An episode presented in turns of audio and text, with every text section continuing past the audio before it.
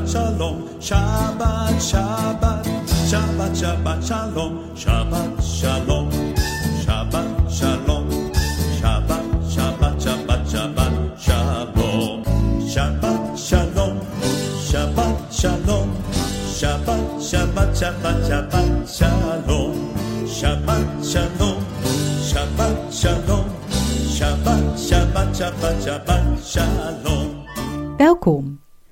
is het leerhuis van Radio Israël. Met elke week de bespreking van een gedeelte uit de eerste vijf boeken van de Bijbel, de Torah, de Haftarah en het Nieuwe Testament. De presentatie is deze week in handen van Tony Jurg. Welkom. Deze Shabbat behandelen we de parasha Balak. Daarvoor lezen we uit de Torah uit Bemidbar, of Numeri, vanaf hoofdstuk 22, vers 2 tot en met hoofdstuk 25, vers 9. Als haftige lezing lezen we deze keer een gedeelte uit het boek Micha, vanaf hoofdstuk 5, vers 6 tot en met hoofdstuk 6, vers 8. En vanuit het vernieuwde verbond, het Nieuwe Testament, wil ik met u naar een klein gedeelte kijken uit het Evangelie van Matthäus, namelijk hoofdstuk 2, de versen 1 tot en met 6. Parasha Balak is de veertigste parasha of gedeelte in de jaarlijkse leescyclus. Hierin lezen we de geschiedenis die plaatsvond ergens in het laatste jaar van de reis door de woestijn. Het volk staat als het ware vlak voor de deur om het beloofde land binnen te gaan. Deze parasha ontleent haar naam aan het tweede woord dat we lezen in dit Torah-gedeelte. Vayera Balak. En dat is te vertalen als en toen zag Balak. Het eerste woord is Wajar, een gebruikelijke wajiktelvorm van het werkwoord ra, zien. Maar dat kan niet als naamgever fungeren omdat het tot verwarring zou kunnen leiden. In de nivelvorm, als Wajera, was het reeds verbonden aan de vierde parasha waar de eeuwige verscheen aan Abraham. Later zullen we zien dat er meer parallellen zijn tussen de veertigste en de vierde parasha. Maar deze veertigste parasha begint dus met en toen zag Balak. Zo'n intro zet gelijk al de toon. Balak, de koning van Moab, ziet iets. En wat? In het vers voorafgaand aan dit Torah-gedeelte lezen we dat het volk Israël hun kamp had opgeslagen in de vlakte van Moab. Vanuit de Torah zijn er geen aanwijzingen dat Israël Moab wilde aanvallen. Het was zelfs om het gebied van Moab heen getrokken en stond nu op het punt het beloofde land binnen te gaan. Maar Balak zag het volk. Hij zag dat het talrijk was, hij zag dat het gezegend was. En hij wist ook wat dit volk eerder de Amorieten had aangedaan, dat het Sihon en Och had verslagen en dat maakte Balak bevreesd. Dat lezen we in de vers 2 en 3 van hoofdstuk 22. En dus zocht Balak naar een manier om de dreiging die hij voorzag weg te nemen. Hij zag in dat dat met puur geweld niet zou lukken en dat er een list nodig was. En daartoe wilde hij de profeet of ziener Biliam inhuren. Laten we voor we in de details duiken, even kort kijken naar wat de namen van deze twee hoofdpersonen in dit gedeelte betekenen. Beide namen zijn veelzeggend. Allereerst de naam Balak. Die komt van een wortel welke als verwoesten of verwoestenij maken kan worden vertaald. Niet echt een positieve naam dus. De tweede hoofdpersoon is Biliam. Althans, dat is de naam die we in Nederlands gewoon zijn te gebruiken. Om het u als luisteraar niet nodeloos ingewikkeld te maken, zal ik hem meestal bij zijn Nederlandse naam noemen. Maar in het Hebreeuws is zijn naam Balaam. Toch wel iets anders dus. Deze eigen naam lijkt een samenstelling te zijn van twee woorden. Als eerste het woord bal, dat onder andere betekenen kan niet, niets of nog, nog met ch dus. Het is een soort voorzetsel dat een ontkenning aangeeft en het tweede deel in Balaam is natuurlijk Am. Dat woord is een stuk bekender en makkelijker te vertalen. Het betekent gewoon volk. En wel meer specifiek, het volk dat meetrok met Mozes. Israël dus. Daarmee zou Balaam dus zoiets kunnen betekenen als niet van het volk. En Balaam behoorde inderdaad niet tot het volk dat met Mozes meetrok. In nummer 22 vers 5 lezen we dat hij uit Petor kwam in Noord-Syrië, ruim 600 kilometer noordelijker dan waar Israël haar kamp toen had opgeslagen. Nu we de eerste kennismaking met deze twee hoofdfiguren van deze parasha achter de rug hebben, laten we eens gaan luisteren naar een vrolijk lied van Don Francisco. Hij heeft deze geschiedenis voor ons op muziek gezet om ons een lesje te leren over hoe de eeuwige een ieder van ons kan gebruiken.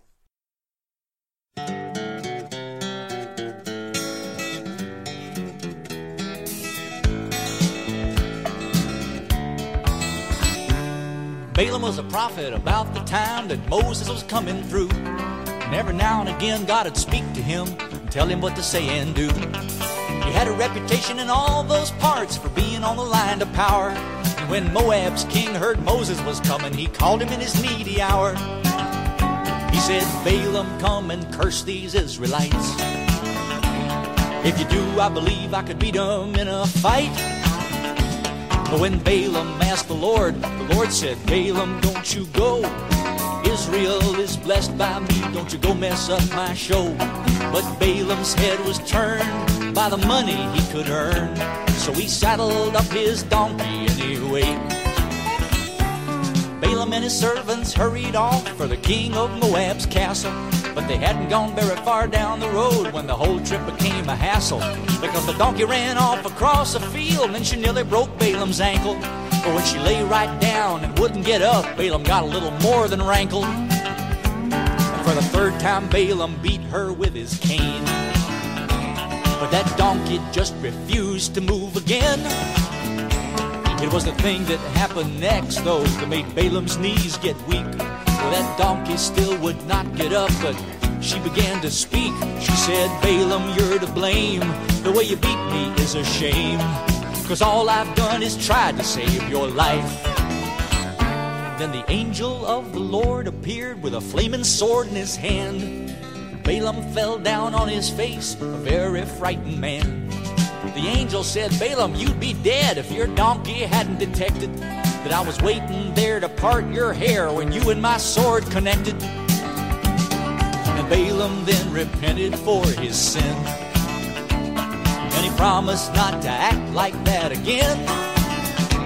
And I hope he learned his lesson about God's reward for greed. But you know it's that talking donkey. It's really strange indeed. That donkey's just a donkey, but she's still the thing God used. And that's the point I want you all to see. The Lord's the one who makes the choice of the instrument he's using. We don't know the reasons and the plans behind his choosing. So when the Lord starts using you, don't you pay it any mind. He could have used the dog next door if he'd been so inclined. De clue van dit lied mogen duidelijk zijn. Hoe koppig ook, de eeuwige kan een ieder van ons gebruiken. Dat is zeker één van de leringen die te trekken zijn uit deze geschiedenis. Alhoewel die spreekwoordelijke koppigheid zeker niet enkel opgaat voor de ezel. De ezel mag dan wel de reputatie hebben koppig te zijn, maar in deze geschiedenis is het juist het baasje van de ezel die eigenlijk veel koppiger is. Driemaal zet de ezel Biliam stil terwijl hij op weg was om het volk Israël te vervloeken. Driemaal ziet de ezel iets wat haar baasje niet kon zien. Het stil gaan staan van de ezel was geen koppigheid, maar juist wijsheid. De humor van dit alles is dat dit een scherp contrast laat zien met de wijze waarop Biliam zichzelf presenteerde, hoe hij zichzelf zag. Zo lezen we bijvoorbeeld in nummerie 24, versen 15 en 16, dat Biliam zichzelf presenteerde als Biliam, de zoon van Beor, spreekt. De man van wie de ogen geopend zijn, die spreekt. Hij die de woorden van God hoort, spreekt. En die de kennis van de Allerhoogste weet, die het visioen van de Almachtige ziet, terwijl hij neervalt met ontsloten ogen. Dat zijn nogal wat kwalificaties die hij zichzelf hier toedichtte. We weten natuurlijk niet in hoeverre dit allemaal juist was, maar één ding weten we zeker. Biliam zag niet wat de ezel wel zag. Biliam merkte de engel des Heren niet op toen deze voor hem stond. De ezel zag de engel wel en had daarmee als het ware een dieper inzicht dan zijn meester Biliam. Eerder hebben we gezien dat Biliam een heidense profeet was, maar toch noemt Biliam de eeuwige zijn God. Dat lezen we in nummer 22 vers 18, waar staat, Al zou Balak mij zijn huis vol zilver en goud geven, ik ben niet in staat het bevel van de Heere, mijn God, te overtreden om iets te doen, klein of groot. Biliam verwijst hier naar Jod He Waf He als zijn God. Hij noemt de eeuwige bij zijn naam. Was hij dan toch een profeet in dienst van de Allerhoogste? Waarschijnlijker is het dat hij inderdaad kennis had over de eeuwige, maar ook liefde voor rijkdom. Dat is een problematische situatie. Yeshua zegt in Matthäus 6, vers 24: Niemand kan twee heren dienen. En dat spreekt specifiek over het dienen van de eeuwige en een verlangen naar rijkdom. Yeshua vervolgt dan ook met: Want of hij zal de een haten en de ander liefhebben, of hij zal zich aan de een hechten en de ander minachten. U kunt niet God dienen en de mammon. De geschiedenis waar we deze Shabbat naar kijken leert ons dat Biliam eigenlijk twee heren diende. Hij was als het ware een profiteerprofeet, iemand die profijt behaalde uit het profeteren. Dat blijkt duidelijk als we enigszins door de regels heen lezen. En ondanks de troebele motivatie van de koppige Biliam, kon de eeuwige hem toch gebruiken om een bijzondere zegen tot zijn volk te brengen. Driemaal spreekt Biliam een zegen over Israël uit, steeds vanaf een andere bergtop. Sommige rabbijnen zien hierin een verwijzing naar de drie aartsvaders, Abraham, Isaac en Jacob. Dat is zeker mogelijk, maar er is bij elk van deze zegeningen ook een andere opmerkelijke parallel te ontdekken met de zegen gegeven aan Abraham, zoals die staat opgetekend in Genesis 12, de versen 2 en 3. Een zegen die we later in soortgelijke vormen ook herhaald zien worden bij Isaac en Jacob. De eerste zegeningen spreekt William onder andere: Wie heeft het stof van Jacob geteld in het aantal het vierde deel van Israël? Nummer 21, vers 10. Dat herinnert ons aan het eerste deel van de zegen aan Abraham. Ik zal u tot een groot volk maken. En dat was het eerste deel van Genesis 12, vers 2. In deze eerste zegenspreuk lezen we ook, in nummer 23, vers 9, Want vanaf de top van de rotsen zie ik hem, vanaf de heuvels neem ik hem waar. Zie, dat volk woont afgezonderd, onder de heidenvolken rekent het zich niet. Die aparte positie van het volk heeft zowel voor- als nadelen. Israël is door de eeuwige uitverkoren boven alle andere volken. Niet omdat het beter zou zijn, maar omdat het van de eeuwige een speciale taak had gekregen, om als een licht voor de natieën te fungeren. En daarin resoneert ook het, en in u zal alle geslachten van de aardbodem gezegend worden, uit Genesis 12, vers 3. In de tweede zegenspreuk voor Israël spreekt Biliam onder andere, zie, een volk, het staat op als een leeuwin, als een leeuw richt het zich op. En dat is nummer 23, vers 24. En dat roept weer het tweede deel van Genesis 12, vers 2 in herinnering. Ik zal uw naam groot maken. En bij de derde zegening door Biliam lezen we, helemaal aan het einde van de zegening, wie u zegent is gezegend, wie u vervloekt is vervloekt. Dat is een vrijwel letterlijke herhaling van de belofte van de eeuwige aan Abraham, zoals we die lezen in Genesis 12, vers 3. Nadat Biliam tot driemaal toe een zegen uitsprak over Israël, was Balak zeer begrijpelijk erg kwaad en wilde hem wegsturen. Toch gaat Biliam nog verder met profeteren en verklaart Balak wat zal geschieden in de latere tijd. En dan volgt er een bijzonder belangrijke messiaanse profetie. En daar wil ik straks in detail met u op ingaan wanneer ik het wil verbinden met de Haftara-lezing en het gedeelte uit het vernieuwde verbond. Uiteindelijk aan het eind van nummer 24 lezen we, toen stond Biliam op, ging op weg en keerde terug naar zijn woonplaats. Ook Balak ging zijns weegs. Beiden gingen dus terug naar huis.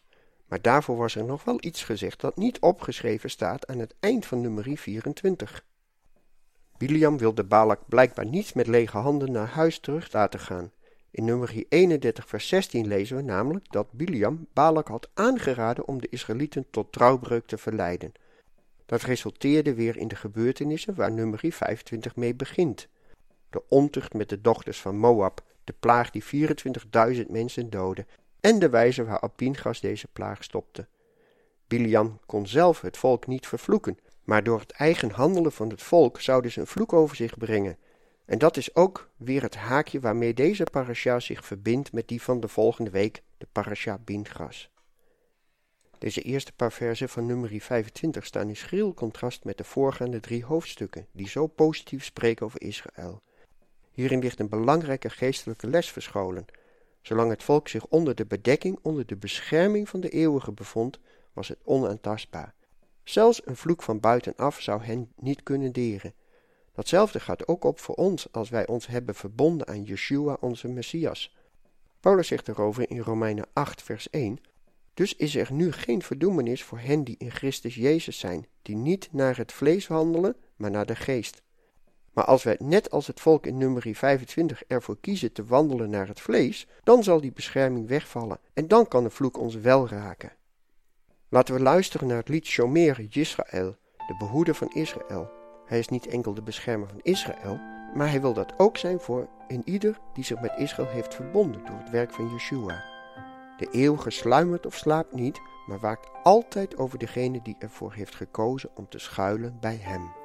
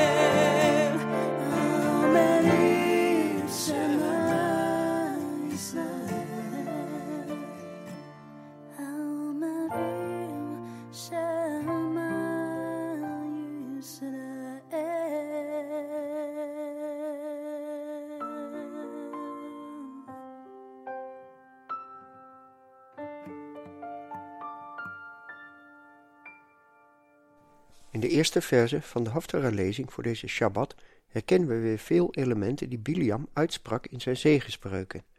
Maar de Haftarah-lezing gaat daarna nog wat verder en bepaalt ons erbij dat de eeuwige een waarlijk geestelijk herstel, een teshuva, zal bewerkstelligen. De tekst van Micha laat zien dat zegen en herstel tot stand komen door middel van oordeel en zuivering. Daarover lezen we in Micha 5 vanaf vers 9. Het op die dag, waar vers 9 mee begint, verwijst terug naar Micha 4 vers 1, waar staat Het zal in het laatste dagen geschieden dat de berg van het huis van de eeuwige vast zal staan als de hoogste van de bergen. En daarmee is deze Haftarah-lezing duidelijk een profetie aangaande de Messias. Voordat ik de lijn wil doortrekken naar het vernieuwde verbond, wil ik eerst met u nog ergens anders bij stil gaan staan. Is het inderdaad zo dat in de periode vlak voor de geboorte van Yeshua deze profetie van Biliam en dit gedeelte Micha werden gezien als verwijzing naar de komende Messias? Of is die conclusie enkel te trekken op basis van het Nieuwe Testament? Gelukkig niet. Ik meen dat dit ook blijkt op basis van bijvoorbeeld de dode zeerollen. Directe aanhalingen van de profetie van Biliam vinden we in onder meer het Damascus-gegrift. In de vertaling van Dr. van der Woude, verbonden aan het Qumran Instituut te Groningen, lezen we daar: En de ster, een verwijzing naar Amos 5, vers 26. De ster is de onderzoeker der wet die naar Damascus zal komen, zoals geschreven staat. Een ster gaat op uit Juda en de scepter rijst op uit Israël. En dat is een directe aanhaling van nummer 24, vers 17. De tekst vervolgt dan met: De scepter is de vorst van de ganse gemeente, en wanneer hij verschijnt, zal hij alle zonen van Seth verpletteren. En uit het vervolg blijkt duidelijk dat deze vorst, prins, Messias, een oordeel zal vellen. Een nog duidelijker voorbeeld vanuit de Dode Zeerollen vinden we in 4Q 175, ook genoemd Testimonia. Die afkorting 4Q 175 betekent overigens tekstgedeelte 175, gevonden in de vierde grot de Qumran. Dit fragment bestaat slechts uit één vel leer, en daarop lezen we onder andere de woorden zoals Mozes die uitsprak in Deuteronomium 18, vers 18 en 19. Een profeet zal ik hen verwekken uit hun midden van hun broederen zoals gij zijt. Ik zal mijn woorden in zijn mond leggen en hij zal alles tot hen zeggen wat ik hem gebied. De man die niet luistert naar mijn woorden, die de profeet in mijn naam zal spreken, ik zelf zou hem van die rekenschap vragen. En direct daarop vervolgt 4Q 175 met een verwijzing naar Biliam. Toen hief hij zijn spreuk aan en zeide, de spreuk van Biliam, de zoon van Beor, en de spreuk van de man met een geopende oog, de spreuk van hem die de woorden van God hoort, en die de wetenschap van de Allerhoogste kent, die het gezicht van de Allerhoogste schouwt, nederligt met ontsloten oog. Ik zie hem, maar niet nu. Ik schouw hem, maar nog niet van nabij. Een ster gaat op uit Jacob, een scepter rijst op uit Israël, en verbrijzelt Moab slapen en verplettert alle zonen van Seth. Het is duidelijk dat 4Q 175, de ster die op zal komen uit Jacob en de scepter die uit Israël rijst, verbindt met de profeet uit hun midden, zoals Mozes, en dat is een overduidelijke verwijzing naar de Messias. Balak was de koning van Moab. Deze parasha is naar hem vernoemd. Hij was niet alleen een heiden, stond daarmee buiten het verbond, maar hij was bovenal ook nog eens iemand die zich actief tegen het volk Israël keerde. Verdient zo iemand wel de eer dat er een parasha zijn naam draagt? Die vraag is door meerdere rabbijnen gesteld. Natuurlijk stellen zij dat op het eerste gezicht het niet logisch is om een vijand van Israël te eren met de naam van een parasha. Maar ze wijzen er ook op dat als we verder kijken, dat er toch wel iets voor te zeggen valt. We hebben al uitgebreid stilgestaan bij de profetische woorden zoals opgeschreven in nummer 24, vers 15 tot met 19. Het, er zal een ster uit Jacob voortkomen en er zal een scepter uit Israël rijzen, verwijst naar twee grote koningen, naar David en naar de zoon van David, de Messias.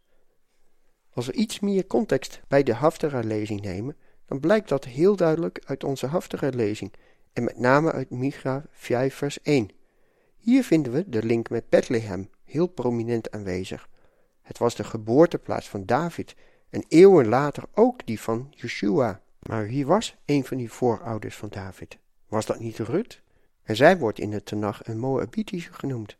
De Babylonische Talmud beweert in Sanhedrin 105 zelfs dat vanwege de vele offers die Balak in opdracht van Biliam heeft gebracht, hij de eer had gekregen om een voorouder van Rut te mogen zijn. Rut zou dan een achterkleinkind van Balak zijn. Hoe het ook zou zijn gegaan, vaststaat dat uit het nageslacht van een Moabitische Rut uiteindelijk koning David werd geboren.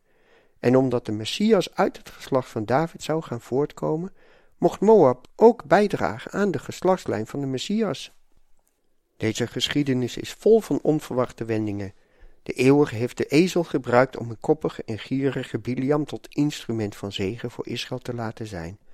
En zou het voor de eeuwige dan niet mogelijk zijn geweest om Balak, wiens naam de verwoester betekent, uiteindelijk in te zetten om iets prachtigs op te bouwen? En zo zien we dat wat er ook gebeurt, we er altijd met een volkomen zekerheid op mogen vertrouwen dat de eeuwige zijn plan zal voleindigen. Het uiteindelijk vestigen van zijn messiaanse vrederijk.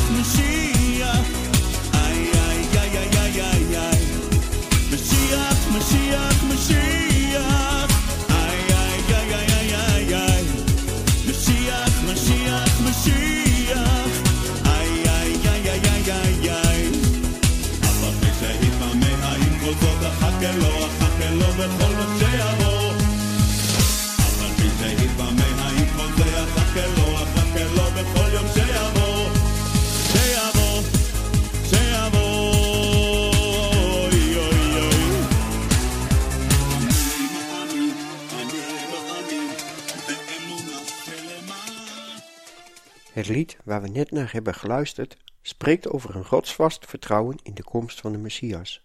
Dit lied is door veel artiesten opgenomen en wordt geregeld op de radio in Israël uitgezonden. En het bijzondere is dat dit lied ook gewoon te horen is op de seculiere popzenders.